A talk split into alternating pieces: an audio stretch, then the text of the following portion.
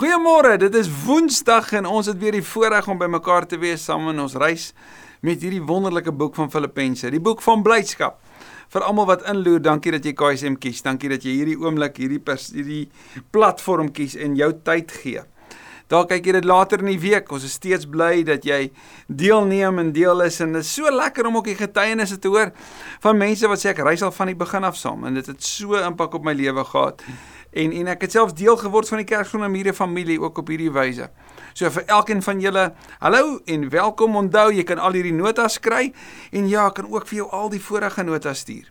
So as jy notas wil hê van Lukas of van Prediker en ja ook van Efesiërs, ons het dit alles vir jou en dit is so lekker reisgenoot saam met die Bybelstudies wat reeds bestaan op ons YouTube kanaal. Ek so dankbaar vir die span wat sorg dat dit kan gebeur en dat dit daar is.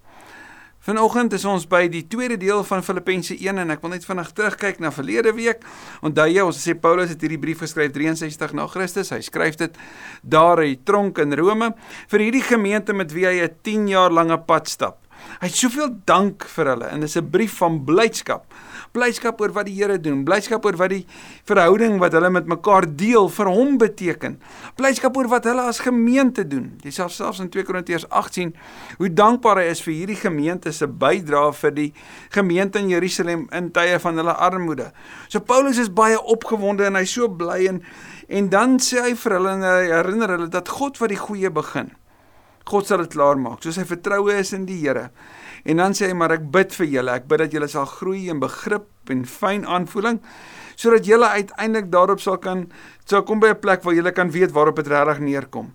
Dat julle wys met ander woorde sal leef en dat julle in die oomblik sal wees. En nou vat dit verder. So kom ons bid saam en dan spring ons weg.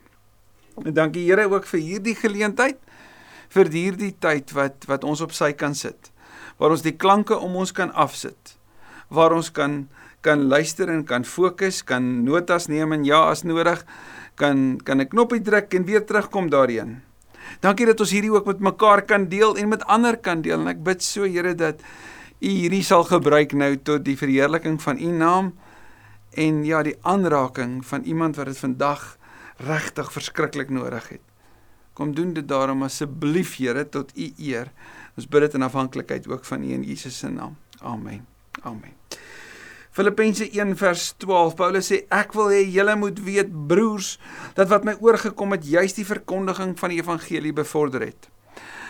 Hulle het soveel redes gehad om die Engelse gebruikie woord despondent om moedeloos te kon word oor wat met Paulus gebeur het. Ek bedoel, hoekom is Paulus nou gevange geneem? Hoekom daar in Rome, daar deur in die verte?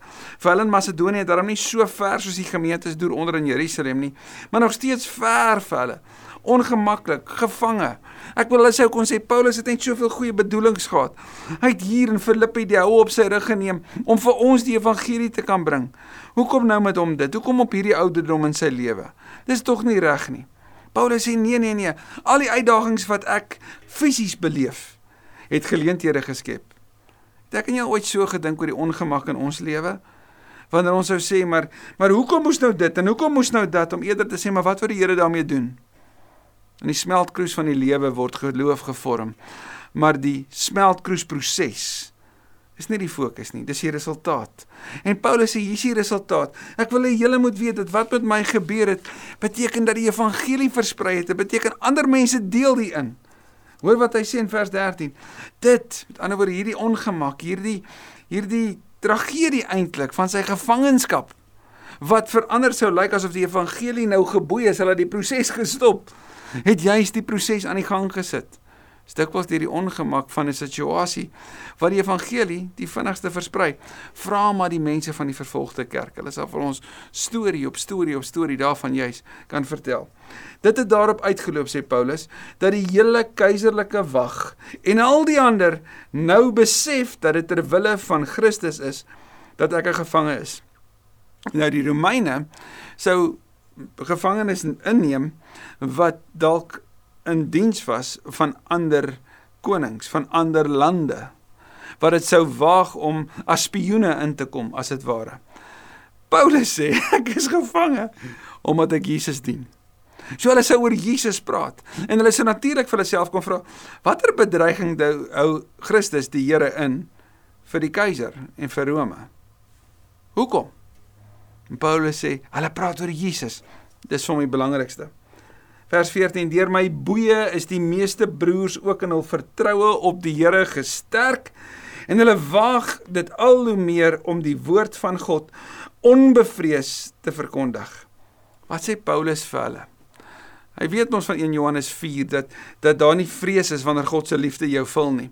En hy sê my voorbeeld van hom vas te byt in tye van vervolging het hulle geïnspireer om my dit na te doen. Het jy dit gehoor? Jou lewe van toewyding te midde van ongemak maak dit verander moontlik dat hulle dink ek kan dit ook doen. As daai persoon dit kon waag om te gaan, kan ek dit ook doen. Ek kan dalk nie daai tree gee nie, maar kan die volgende een gee. Ek kan dit waag. En Paulus sê, my lewe het daartoe gelei dat ander geïnspireer is, dat ander aangemoedig word. Ja, dat hulle waagmoed het ook teenoor lyding in hulle lewe, dat hulle onbevrees dit verkondig. Hoe mooi is dit nie? om in die gesig van vrees en bedreiging te staan en onbevrees te sê Jesus is die Here. Jesus is koning en Jesus kom weer. Om vandag te kan sê vir al die akademici, Jesus het opgestaan, fisies opgestaan en hy kom weer en dis die waarheid. En daarop sal ek staan en daarvoor sal ek my lewe gee. Paulus sê dit. Hy sê en sy waagmoed het daartoe gelei dat ander dit al hoe meer sal waag om om hom dit na te doen. Selfs al kos dit lyding. sien wat jy wat jy doen sê soveel van wat in jou hart aangaan. So om onbevrees te praat beteken dat jy ook vry geword het hier binne daarvan. Paulus sê, daar is wel party wat Christus verkondig omdat hulle jaloers op my is en iets teen my het. Maar ander doen dit met opregte bedoelings. Laasgenoemdes verkondig Christus Jesus omdat hulle my liefhet en weet dat dit my taak is om die evangelie te verdedig. Maar eersgenoemde maak Christus bekend uit selfsugtige en onsuiwere bedoelings. Hulle oogmerk is om die gevangenskap vir my nog swaarder te maak. Kan jy sien dat reg van die begin van die kerk af was daar reeds wetywering? Jy gaan dit sien daar in 1 Korintiërs 3. Paulus sê sommige het hulle het groepe gevorm. Sommige is vir Apollos en ander sê hulle is vir Paulus en en ander sê hulle is vir Sefas en ander sê nie hulle is in die Jesus groep. Dan sê Paulus wat maak dit saak? Ek het geplant, Apollos het nat gegooi, maar dis God wat laat groei.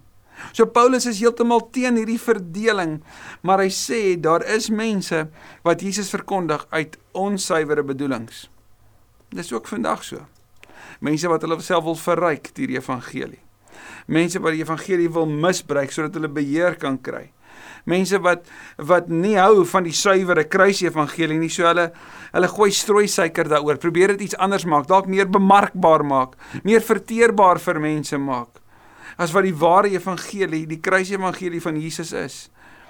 Paulus sê daar was sulke mense en hy sê hulle maak dit vir my swaarder. Hoekom?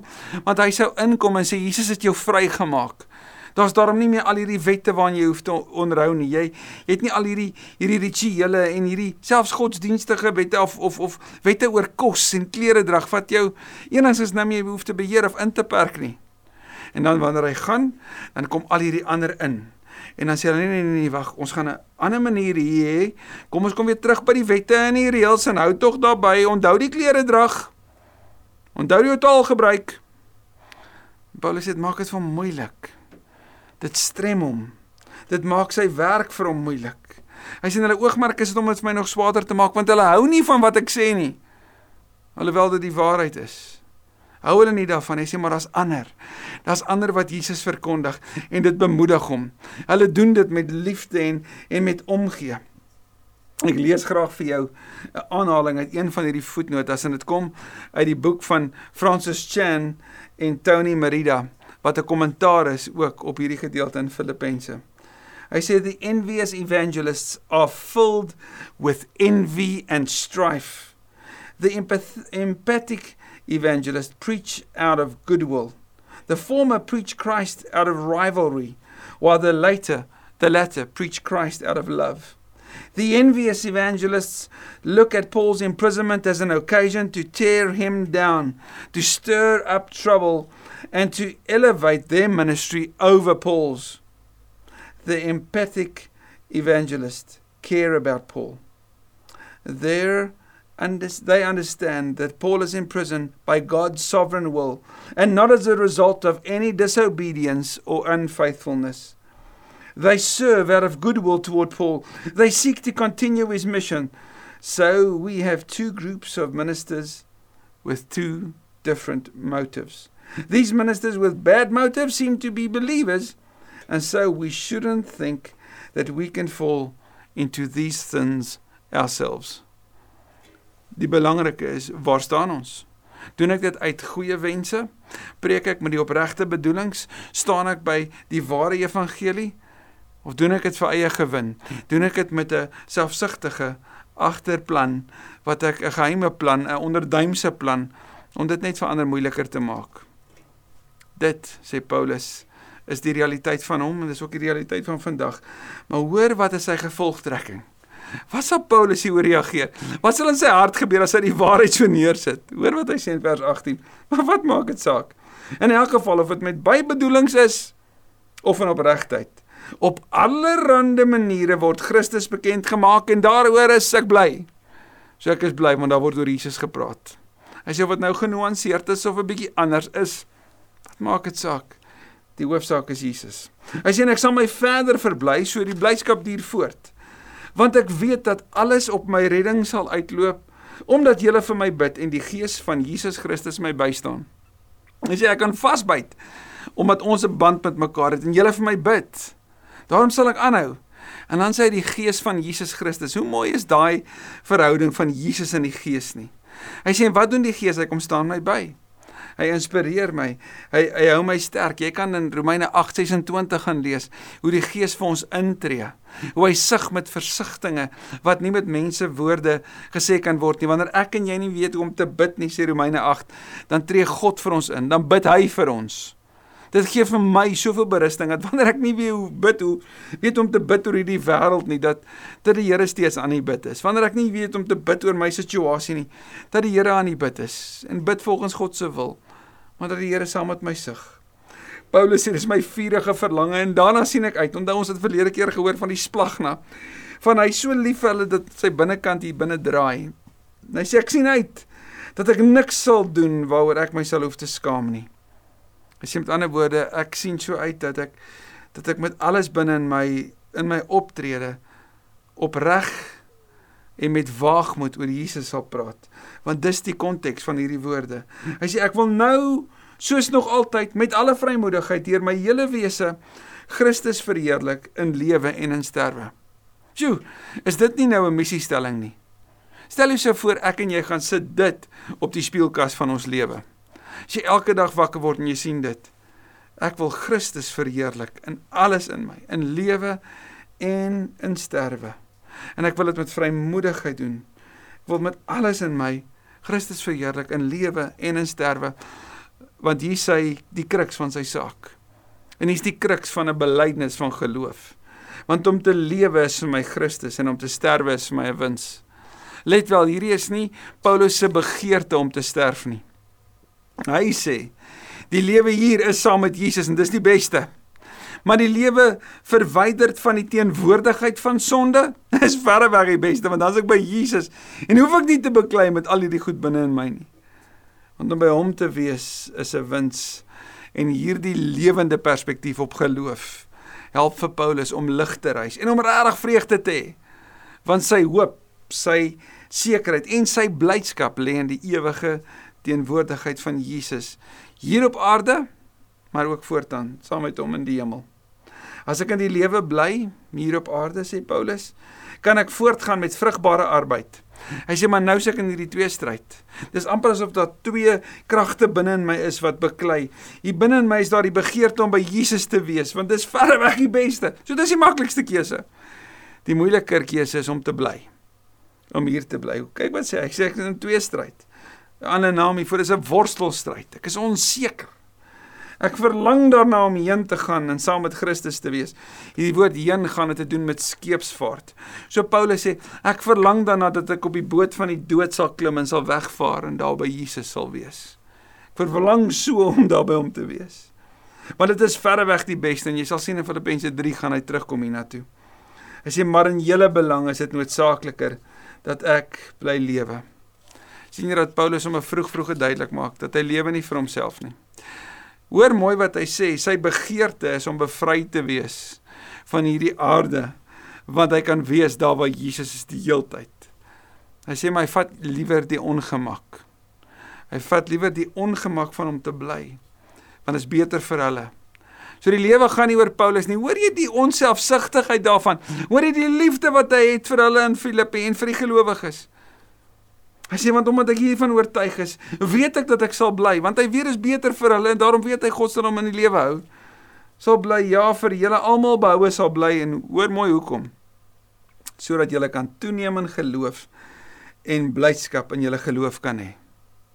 Ek dink die boodskap vertaling sê dit so iets dat sodat jy kan groei in die blydskap van die feit dat jy kinders van God is.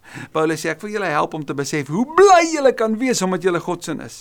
En ek sal bly lewe vir dit. Ek sal bly lewe om julle te bly herinner hoe wonderlik is om te weet ek is God se kind. Ek is sy geliefde. Ek is sy beminde. As hy oor my kyk, dan glimlag hy oor my. Hy bring my na sy familie toe. Hy leer my van sy wil. Hy sê ek is syne. Ek behoort, ek het 'n plek aan die tafel. Paulus sê is hom baie beter dat hy sal bly, want hy wil hulle help om in hulle blydskap te groei. En dit sê hy terwyl hy in ongemak is. So sy ongemak bring hierdie geleentheid dat hy hulle kan herinner aan die blydskap in hulle lewe. As ek weer by julle kom, sal julle oorvloedige rede hê om Christus oor my te prys. Die die Griek sê sal julle oorvloedig rede hê om trots te wees voor Christus oor my want ek lewe in toewyding aan die Here, nê? Hoofsaak in die Griekse woord hoofsaak van vers 27 is die Griekse woord monos en dit kom by een ding. Die ander woorde die belangrikste ding. En dit sal die die samevatting van die rede vir sy brief ook wees. Dit sal die samevatting van sy boek ook nou wees. So eintlik moet hierdie in 'n hoofletters wees om te sê onthou dit, soos ek en jy Filippense lees.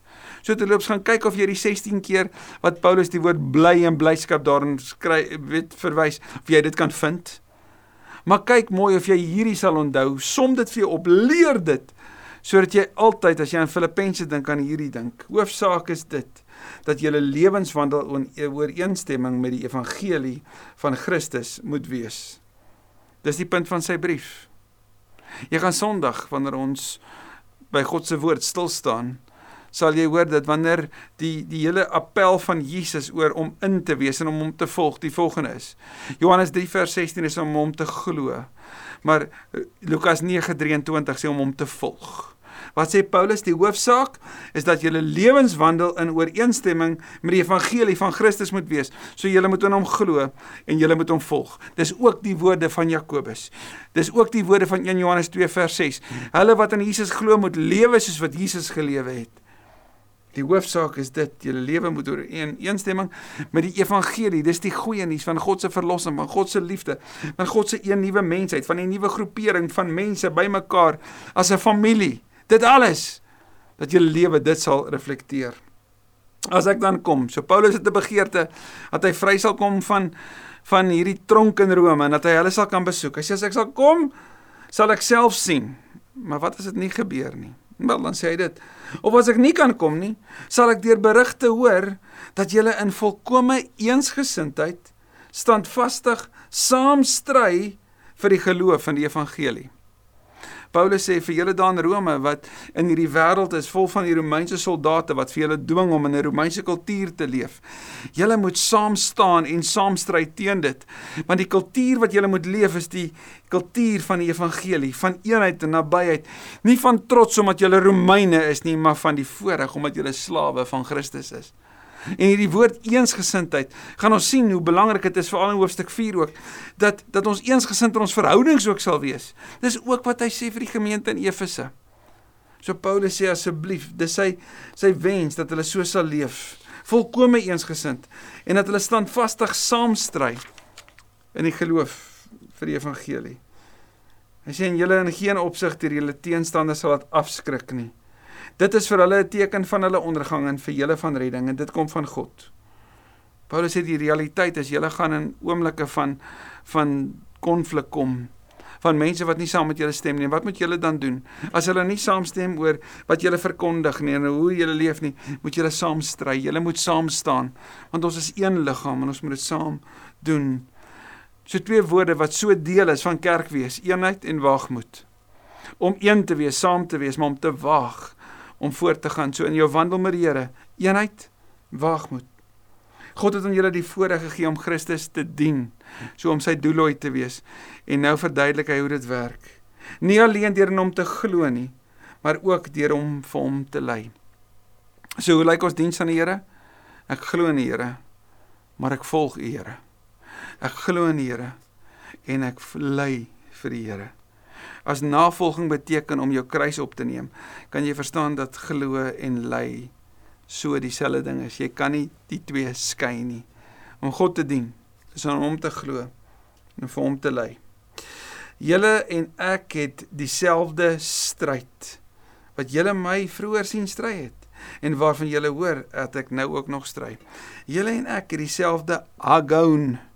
Nou agon is soos om in 'n konflik twee stryd en 'n stoei geveg te wees.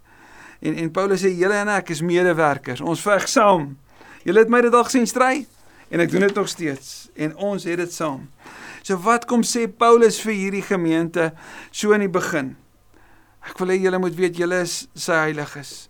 Ek wil weet julle behoort aan hom, maar ek wil hê julle moet weet dat dit wat ek doen met al die lyding wat ek wat ek beleef, is daar wonderlike voorregte. My fokus is op die Here. My fokus is so om by hom te wees, maar my fokus is ook by julle. En daarom wil ek julle herinner aan hoe bly ons kan wees omdat ons God se kinders is.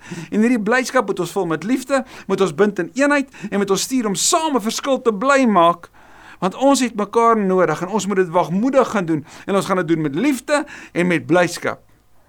Kan jy sien hoe vreemd was dit vir die wêreld van daai tyd om mense so te sien? Soos energizer bunnies, opgewonde oor Jesus. Al kom die moeilikheid, ons is so bly Jesus leef. En ons is lief vir mekaar, ons het mekaar nodig en ons gaan aan. Ons stop nie.